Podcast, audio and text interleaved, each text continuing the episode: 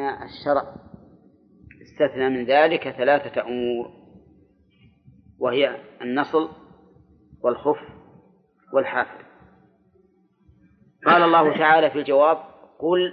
يعني قل للسائلين أو قل لجميع الناس ها؟ نعم نعم قل فيهما إثم كبير يعني قل لجميع الأمة كما قال قل للمؤمنين يغضوا من أبصارهم مثلا وهنا يمكن أن نأخذ قاعدة وهي أنه قد يكون الجواب أعم من الس... يعني معناه الجواب موجها إلى أكثر من السائل كما قالوا في الحكم إن العبرة بماذا؟ بعموم اللفظ لا بخصوص السبب فهنا قد نقول إن السائل قوم معينون ولكن الجواب لهم ولغيرهم قل فيهما إثم كبير ومنافع للناس وفي قراءة إثم كثير فيهما إثم كثير فيهما ألف أي في الخمر والميسر إثم ما هو الإثم؟ الإثم هو العقوبة أو ما كان سببا للعقوبة قال الله تعالى ولا, ولا تعاونوا على الإثم والعدوان ويقال فلان آثم يعني مستحق للعقوبة وقوله فيهما إثم كبير والقراءة الأخرى كثير الفرق بينهما أن الكبر يعود إلى الكيفية والكثرة تعود إلى الكمية فالمعنى أن فيهما إثما كثيرا بحسب ما يتعامل بهما الإنسان والإنسان المبتلى بذلك والعياذ بالله ما يكاد يفلت منه وهذا يستلزم تعدد الفعل منه وتعدد الفعل يستلزم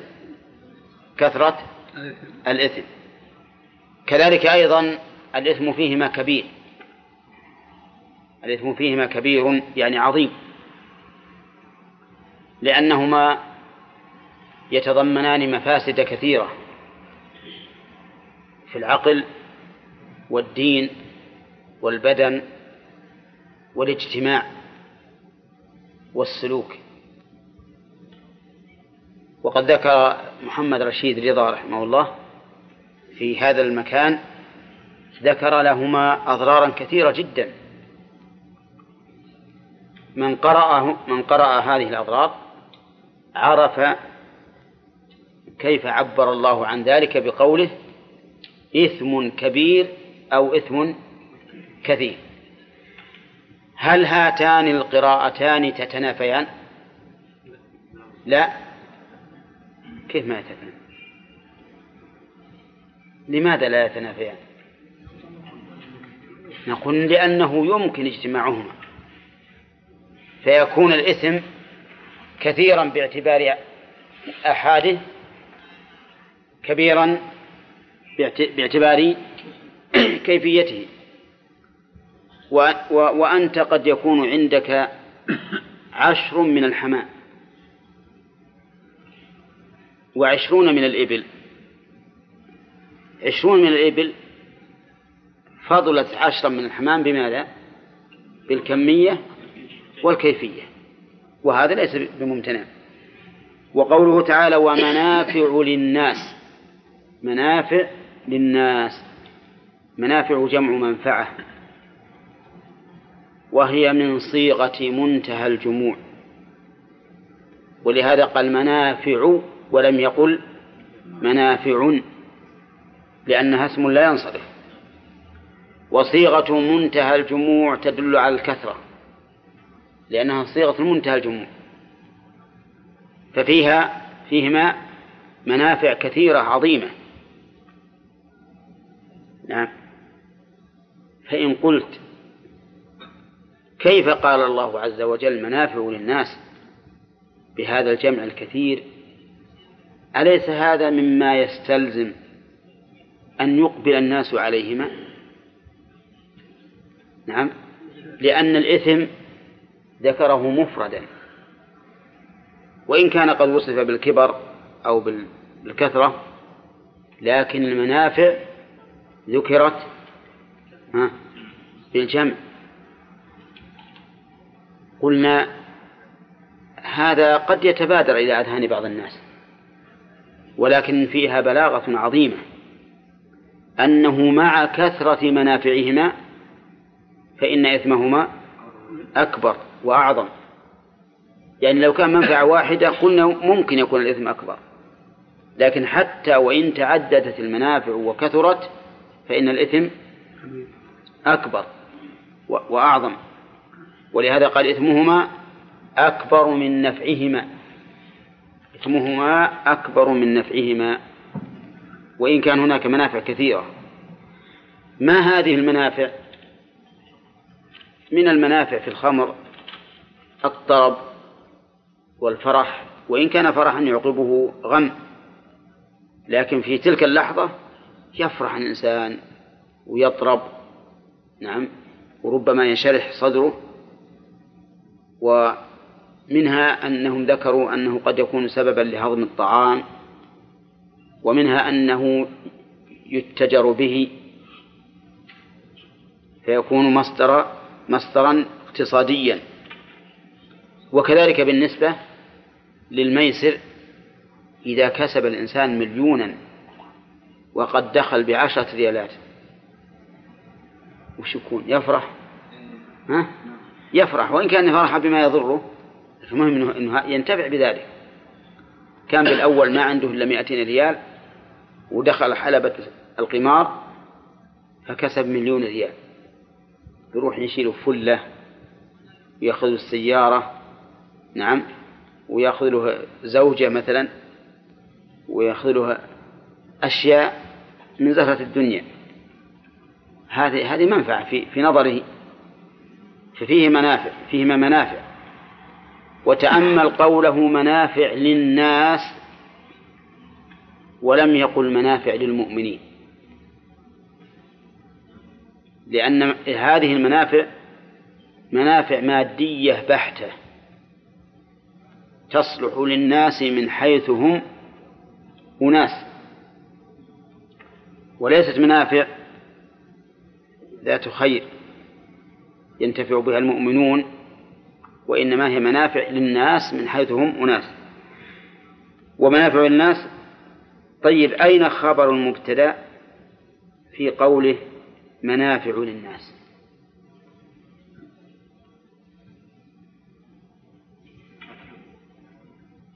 محذوف نعم محذوف قول وين فيه من مقدم مه فيهما خبر لقوله إثم آه، معطوف صح فأنت إذا قلت زيد وعمر قائمان فإن قائمان خبر لهما وإذا قلت زيد وعمر في البيت فإن في البيت خبر لهما وإذا قلت في البيت زيد وعمر فإن في البيت خبرا لهما فيهما إثم كبير ومنافع الخبر فيهما مقدم قال الله تعالى وإثمهما أكبر من نفعهما إثمهما يعني ما يترتب عليهم من العقوبة أكبر من نفعهما لماذا؟ لأن العقوبة في الأخرى وأما النفع ففي الدنيا والضرر في الغالب أعظم من النفع أثرا لأن النفع كمال والضرر نقص الكمال قد يستغنى عنه لكن النقص متى تبني ما نقص ومن هدم فلهذا قال الإثم أكبر لسببين السبب الأول أنه نقص أخروي أنه أخروي ها؟ وربما يكون دنيوي أيضا ربما يكون دنيويا والثاني ها؟ أن النقص ثلم والمنفعة كمال تكميل وتتميم فهذا والنقص إذا نقص الشيء متى عاد ينبني وقول إثمهما أكبر من نفعهما حتى الإثم لو فرضنا أن النفع كثير فيهما يغطي على الضرر الدنيوي فإننا نقول ها الضرر الضرر الأخوي أشد وأبلغ وتأمل قوله إثمهما أكبر من نفعهما لما قال فيهما إثم كبير ومنافع للناس الآن نحتاج إلى المقارنة لأنه صار لدينا صار لدينا شيئان إثم ومنافع فأيهما نرجح بين الله عز وجل الراجح فقال إثمهما أكبر من نفعهما حينئذ تبين أن تقابل هذين يقتضي أن نبتعد عن ما فيه أو عما فيهما من المنافع ما دام الإثم أكبر من النفع ولهذا انتهى كثير من الصحابة رضي الله عنهم عن الخمر والميسر حين نزلت هذه الآية فقالوا ما دام الإثم أكبر من النفع فلماذا نفعله ولكن هذا لا يقتضي التحريم وإنما يقتضي عرض المسألة للعاقل والعاقل ماذا يرجح؟ ها؟ لا ما يلتحق يرجح ترك الإثم نعم قال وإثمهم أكبر منه ويسألونك ماذا ينفقون السؤالان في آية في آية واحدة ويسألونك ماذا ينفقون السؤال هنا يتعدى إلى مفعول واحد ولا إلى مفعولين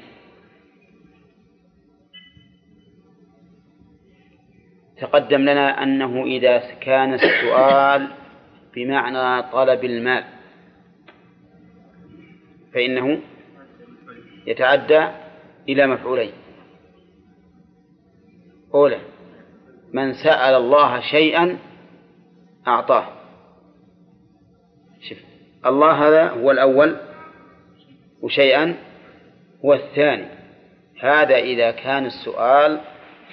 طلب مال أما إذا كان السؤال استفهاما فإنه يتعدى إلى مفعول واحد وإلى الثاني بحرف عن ها؟ إلى الثاني بحرف عن طيب وش تقول تقول سألته عن كذا يسألونك عن الخمر يسألونك عن الساعة يسألونك عن المحيض وما أشبه ذلك يكون ينصب إيش مفعول واحد ويتعدى الثاني في عن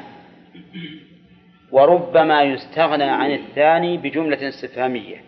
كما في الآية التي معنا يسألونك ماذا ينفقون والفرق بين تعديه إلى جملة استفهامية وتعديه إلى المفعول الثاني بحرف الجر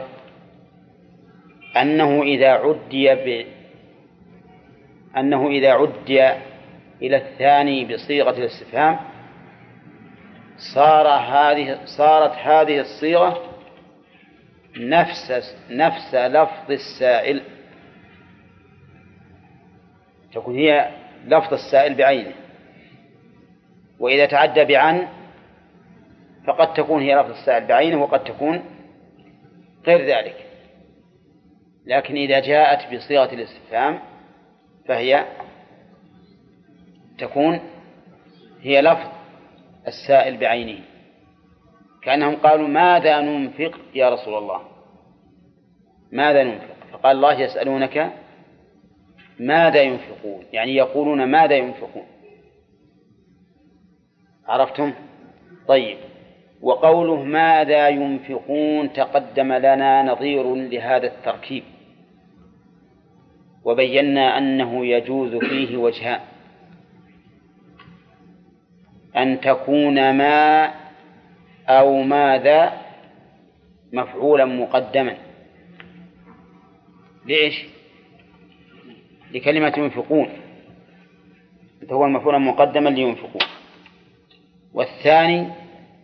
أن تكون ما اسما مست... اسم استفهام وذا اسما موصولا فما على هذا التقدير مبتدا وذا خبر مبتدا وعلى هذا التقدير يحتاج أن يكون هناك ضمير عائد على الموصول وهو هنا محذوف والتقدير ماذا ينفقونه أي ما الذي ينفقونه عرفتم إذا في إعرابها وجهان الوجه الأول أن نجعل ماذا مفعولا مقدما أو ما وحدها وذا زائدة مفعولا مقدما لينفقون وحينئذ هل يحتاج ينفقون إلى مفعول لا لأن مفعوله هو, هو هذا المتقدم ما يحتاج إلى ضمير والثاني أن نجعل ما اسم استفهام مبتدأ وذا اسما موصولا خبر وجملة ينفقون صلة الموصول والعائد محذوف والتقدير ماذا ينفقونه ويسألونك ماذا ينفقون وقد مر علينا نظيرها بهذا اللفظ في قوله تعالى يسألونك ماذا ينفقون قل ما أنفقتم من خير فللوالدين قال الله تعالى ويسألونك ماذا ينفقون قل العفو قل العفو العفو فيها قراءتان النصب والرفع فعلى فالرفع على تقدير ما اسما اسم استفهام مبتدأ وذا اسما موصولا خبره ما الذي ينفقونه الجواب العفو يعني هو العفو وأما النصب فعلى فعلى تقدير ماذا مفعولا مقدما فتكون العفو يعني قل أنفقوا العفو أو قل تنفقون العفو وإنما قلنا إن الرفع أو النصب مبني على إعراب الجملة التي قبلها لأن الجواب مبني على السؤال الجواب مبني على السؤال فهنا كلمة ما هذه الموصولية أو الاستفهامية هي التي فسرت بكلمة العفو ولا لا؟ لأن الآن المسؤول ما الذي ينفق؟ أجب العفو فإذا كانت تفسيرا لها فلها حكمها في الإعراب إن نصبت ماذا فانصب العفو وإن رفعت ماذا فارفع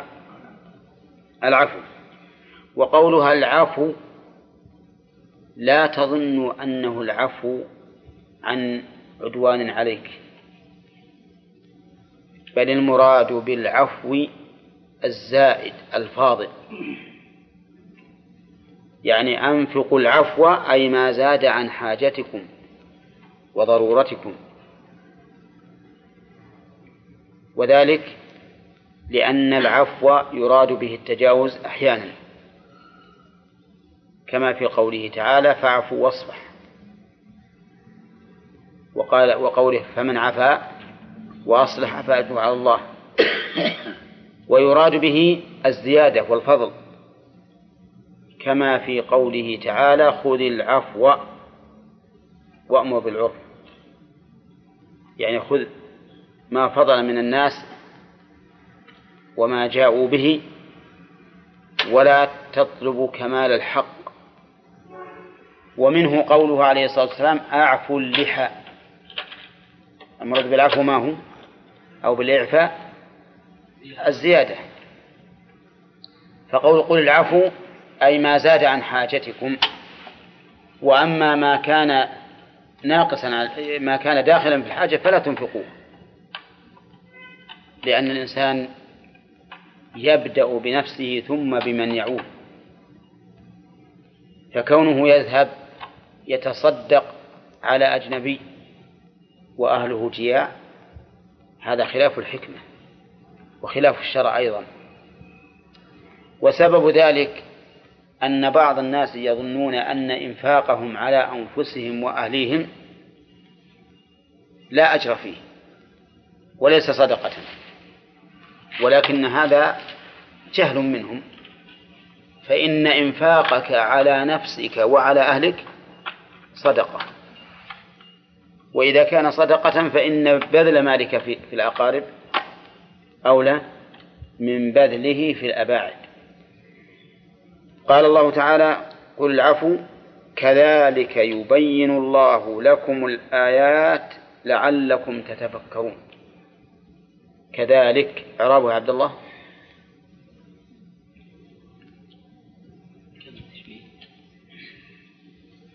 لكم أي يبين الله لكم تبيينا مثل ذلك البيان وقوله إيه، إذا ذلك المشار إليه ما هو المشار إليه ما سبق من بيان حكم الخمر والميسر وبيان ما ينفق فقد بينه الله تعالى غاية البيان فإن قلت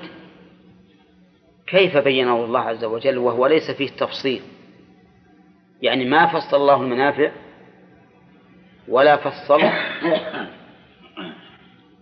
الإثم فيقال في الجواب عن ذلك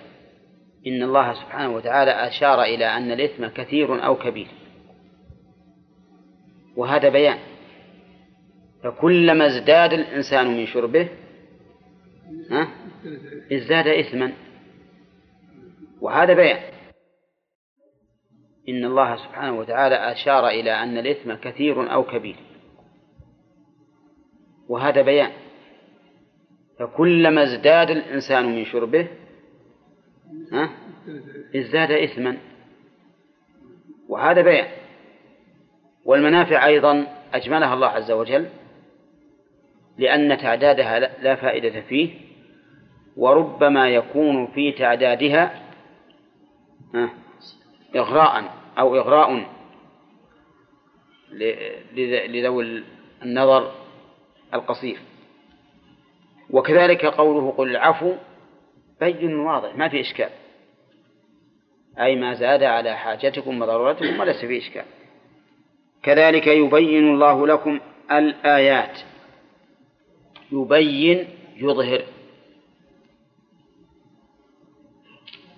بينته فتبين يعني ظهر ومنه قوله تعالى حتى يتبين لكم الخيط الأبيض من الخيط الأسود يتبين بمعنى يظهر فمعنى يبين الله لكم الآيات أي يظهرها حتى تكون واضحة جلية والآيات جمع آية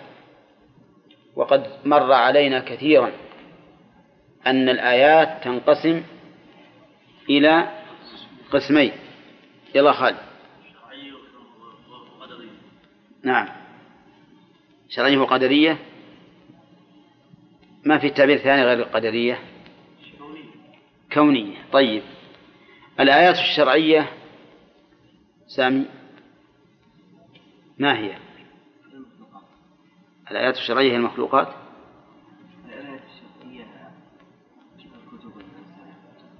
بينها لا الآيات الكونية ولا الآيات الشرعية بينها بيانا تاما لكن الآيات الشرعية بينها الله تعالى بيانا مفصلا لحاجتنا إلى العبادة فإننا محتاجون إلى العبادة إجمالا وتفصيلا ولهذا جاءت الآيات الشرعية مفصلة كما قال أنس بن مالك رضي الله عنه قال أبو ذر رضي الله عنه لقد توفي رسول الله صلى الله عليه وسلم وما طائر يقلب جناحيه في السماء إلا ذكر لنا منه علما وقال رجل لسلمان الفارسي علمكم نبيكم حتى الخراءة قال أجل ثم قال لقد نهانا أن نستقبل القبلة في غائط أو بوء وأن نستنجي باليمين وأن نستنجي برجيع أو عظم إذن الآيات الشرعية مبينة مفصلة على على وجه التفصيل لحاجتنا إليها أما الآيات الكونية فإن التفصيل فيها يكون بالأجناس أو بالأنواع لا بالأفراد تجد مثلا من آياته الليل والنهار في إيش وش دلنا عليه لكن ابحث أنت تجد الشيء الكثير ومن آياته خلق السماوات والأرض آية على أي شيء هي آية ابحث وتجد وعلى هذا فقس فالآيات الكونية جعلها الله تعالى مجملة عامة ما بينها تفصيلا لأن الناس ليسوا بحاجة إليها على وجه التفصيل وأيضا فإنها آيات مشهودة محسوسة يمكنهم ها أن يعرفوا ما فيها من على وجه التفصيل بقدر استطاعتهم وقوله لعلكم تشكرون لعلكم تتفكرون لعل هذه للتعليل واسمها الكاف وخبرها جملة تتفكرون لعلكم تتفكرون عندي هذه موقف لكن نتفكر بماذا أو في ماذا قال في الدنيا والآخرة لعلكم تتفكرون في الدنيا واضح أن التفقه واضح أن التفقه في الدنيا لكن قوله والآخرة هل الناس في يوم القيامة يتفكرون؟ آه إذا تتفكرون في الدنيا والآخرة في شؤونهما وليس المعنى أن التفكر واقع في الآخرة لا إنما نتفكر في هذه الدنيا في حياتنا فيما يتعلق بشؤون الدنيا وشؤون الآخرة وهذا مما يؤيد أن الآيات في قوله يبين الله لكم الآيات شامل للآيات الشرعية والآيات الكونية لأن ما يتعلق بشأن الآخرة غالبه من الآيات الشرعية وما يتعلق بأمر الدنيا غالبه من الآيات الكونية يعني نتفكر في شؤونهم وإذا تفكر الإنسان في الدنيا وجد أنها كما قال الله تعالى إنما مثل الحياة الدنيا كماء إن أنزلناه من السماء فاختلط به نبات الأرض لماذا اختلط؟ لكثرته وامتداده امتد وتشابك وكثر فتشابك فاختلط بنبات الأرض مما يأكل الناس والأنعام حتى إذا أخذت الأرض زخرفها يعني كمال زينتها وزينت وظن أهلها أنهم قادرون عليها وأنه ما بقي إلا أن يجنوها ويستثمروها أتاها أمرنا ليلا أو نهارا فجعلناها حصيدا كأن لم تأن بالأمس وقال تعالى إنما الحياة الدنيا لعب ولهو وزينة وتفاخر بينكم وتكاثر في الأموال والأولاد كمثل غيث أعجب الكفار نباته ثم يهيج فتراه مصفرا ثم يكون حطاما والآخرة وفي الآخرة عذاب شديد ومغفرة من الله ورضوان الله أكبر عن اليتامى يسألونك شف كل معطوفة بالواو كأنها أسئلة متتابعة أسئلة متتابعة سألوا أولا عن الخمر والميسر ثم سألوا ماذا ينفقون وجه الارتباط بين السؤالين واضح جدا لأن في الخمر والميسر إتلاف المال بدون فائدة وفي الإنفاق إتلاف المال بفائدة ثم قال ويسألونك عن اليتامى لأنك إذا عرفت السبب عرفت وجه ارتباط السؤال الثالث بالسؤالين قبله يسألونك عن اليتامى اليتامى جمع يتيم وهو الذي مات أبوه ولم يبلغ مشتق من اليتم وهو الانفراد واليتيم بما أن أباه قد توفي يحتاج إلى عناية ورعاية أكثر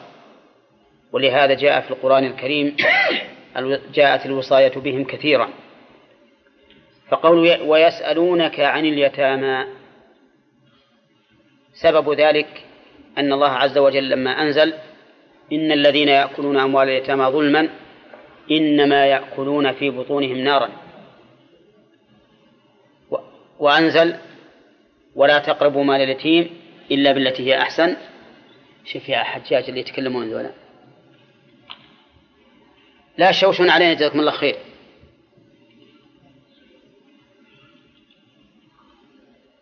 آيتين أشكل على الصحابة رضي الله عنهم فصاروا يجعلون طعام الأيتام على حدة وطعامهم هم على حده بمعنى أنه إذا طبخ لليتيم طبخا جعله له وحده هذا الطبخ إما أن يفسد ولا يصلح للأكل وإما أن يصلح للأكل لكن لا ليس على وجه الأكمل فتحرجوا من ذلك وشق عليهم أن يجعلوا اليتامى طعاما على حدة ولهم طعام على حدة وأشكل عليهم فيما لو خلطوا طعامهم مع طعام اليتامى والله عز وجل يقول إن الذين يأكلون أموال اليتامى ظلما إنما يأكلون في بطونهم نارا فسألوا النبي عليه الصلاة والسلام عن ذلك فأجابهم الله عز وجل بجواب في غاية ما يكون من البلاغة والاختصار والوضوح فقال قل إصلاح لهم خير إصلاح لهم خير وكلمة إصلاح تعني أن الإنسان يتبع ما هو أصلح لهم في جميع الشؤون سواء كان ذلك في التربية أو في المال وسواء كان ذلك بالإيجاب أو بالسلب أي شيء يكون إصلاحا لهم فهو خير وكلمة خير هل هي تفضيل مطلق أو تفضيل مقيد بمعنى هل هل التقدير إصلاح لهم خير من الإفساد أو أنه خيرية مطلقة الجواب خيرية مطلقة فالإصلاح خير من كل شيء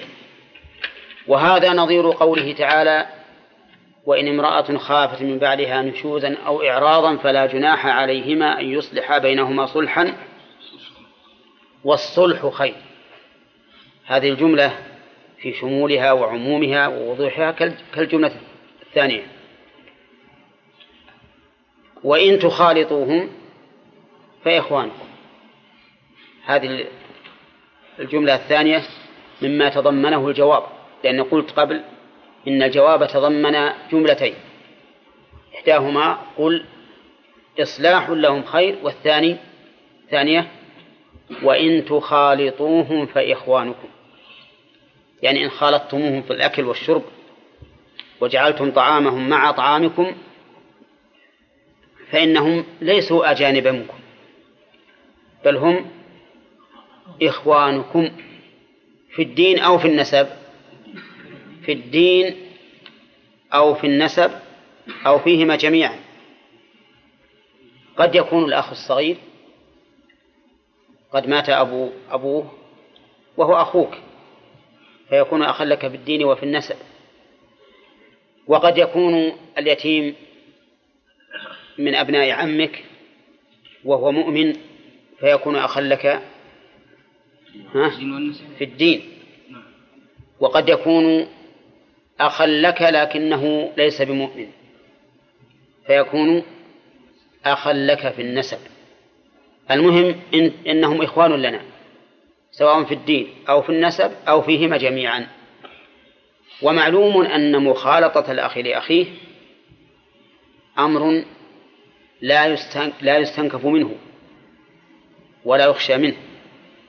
فإذا شعرتم وأنتم تخالطون تخالطونهم بأنهم إخوانكم فإنكم سوف تحرصون على أن لا تخالطوهم إلا على وجه فيه مصلحة لهم ولهذا قال فإخوانكم ومعروف أن الأخ يحنو على أخيه بهذا ارتفع الحرج وتأمل أن الله عز وجل بدأ بالإصلاح قبل المخالطة كأنه يفيد أنه إذا كان إذا لم يكن في المخالطة إصلاح ها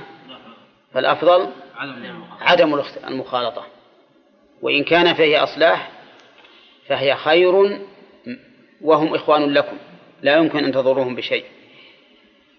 إذا يجوز الآن المخالطة ولا لا يجوز تفهم من قوله فإخوانكم كأنكم صنوى أصل واحد و ولكن لا بد من أن يكون في ذلك إصلاح نعم كيف يكون في أنفسهم حرج ألا والله يعلم المفسد من المصلح والله يعلم المفسد من المصلح قوله يعلم العلم هنا علم معرفه لأنه لم ينصب إلا مفعولا واحدا وقد قال ابن عباس آه قال ابن مالك لعلم عرفان وظن تهمة تعدية لواحد ملتزمة يعني يعرف سبحانه وتعالى يعلم علم معرفة المفسد من المصلح في هذا وفي غيره لأن العبرة بعموم اللفظ لا بخصوص السبب وقوله يعلم المفسد من المصلح لم يقل يعلم المفسد والمصلح بل قال المفسد منه كأنه ضمن العلم معنى التمييز يعني يعلمه فيميز بين هذا وهذا ويجازي كل إنسان بما يستحق لأن التمييز بين هذا وهذا يقتضي أن يميز بينهما أيضا في في الثواب والجزاء وقوله تعالى المفسد من المصلح يشمل الإفساد الديني والدنيوي والإصلاح الديني والدنيوي عرفتم؟ ولا بس في أمور الدنيا فقط؟ في في أمور الدين والدنيا فهو يعلم عز وجل المفسد من من الإنسان المصلح وكلمة مفسد ومصلح هل يعني هل تعني الذي فعلا أفسد أو تشمل حتى من نوى من نوى الإفساد والإصلاح حتى من نوى فمن كانت نيته الإفساد فإن الله عالم به وقد لا يحصل له مقصوده قد يكون إنسانا مفسدا يحب إفساد الخلق ولا يتسنى له ذلك وقد يكون كذلك مصلحا ولكن يحال بينه وبين إصلاحه ولكن من علم الله من نيته هذا أو هذا فإنه يجازيه بما يستحق ثم قال آه، فيه وهل يشمل هذا المفسد من المصلح في شؤون اليتامى ها؟ يشمل معلوم لأن الأصوليين يقولون إن مسألة السبب نص في المراد يعني أنها قطعية الدخول فإذا قلنا يعلم المفسد من المصلح في جميع الشؤون فإن أول ما يدخل في ذلك ما هي؟ الإصلاح والإفساد في اليتامى لأنها هي السبب وما كان سببا فهو قطعي الدخول في العموم قال تعالى ولو شاء الله لأعنتكم إن الله عزيز حكيم لو شرطية شرطها قوله شاء الله وجوابها لأعنتكم وهل اللام في جواب لو واجبة أو غالبة ها؟ غالبة ومن حذفها قوله تعالى لو نشاء جعلناه أجاجا لو نشاء جعلناه والأكثر وجود الله في الخبر في, في جوابها لو شاء الله لأعنتكم أي لشق عليكم بماذا شق عليكم بأمرين في مسألة اليتامى أحدهما أن تجعلوا طعامهم وشرابهم على حدة الثاني أن تقدروا ذلك الطعام والشراب بحيث لا يبقى شيء يكون عرضة للتلف والفساد وهذا شيء شاق على الناس ولكن الله عز وجل برحمته نفى ذلك والعنة قلت إن بما إنه بمعنى المشقة ومنه قوله تعالى ذلك لمن خشي العنة منكم مش معنى العنت أي المشقة ولو شاء الله لأعنتكم إن الله عزيز حكيم هذه الجملة تعليل لما سبق ولكن هل هو تعليل لما سبق في الآية الأخيرة ويسألونك عن اليتامى إلى آخره أو حتى لما سبق من قوله يسألونك عن الخمر والميسر لأن هذه الآيات كلها معطوف بعضها على بعض نعم يحتمل هذا وهذا لكن لو أخذنا بالعموم لم يكن في لم يكن فيه مانع ومعنى والعزيز تقدم لنا أنه من أسماء الله عز وجل وأن له ثلاثة معان وهي القدر القدر ولا القدري ترى فرق بينهم القدر القدر بالسكون نعم القهر عزة القدر وعزة القهر وعزة الامتناع عزة القدر أي لا يجي لا لا يدانيه أحد في علو شأنه عزة القهر لا يغلبه أحد بل هو الغالب عزة الامتناع ها أن يمتنع عليه كل نقص وعيب فهو عزيز لا يعتريه النقص عزيز لا يعتريه الذل بل هو الغالب القاهر سبحانه وتعالى عزيز ها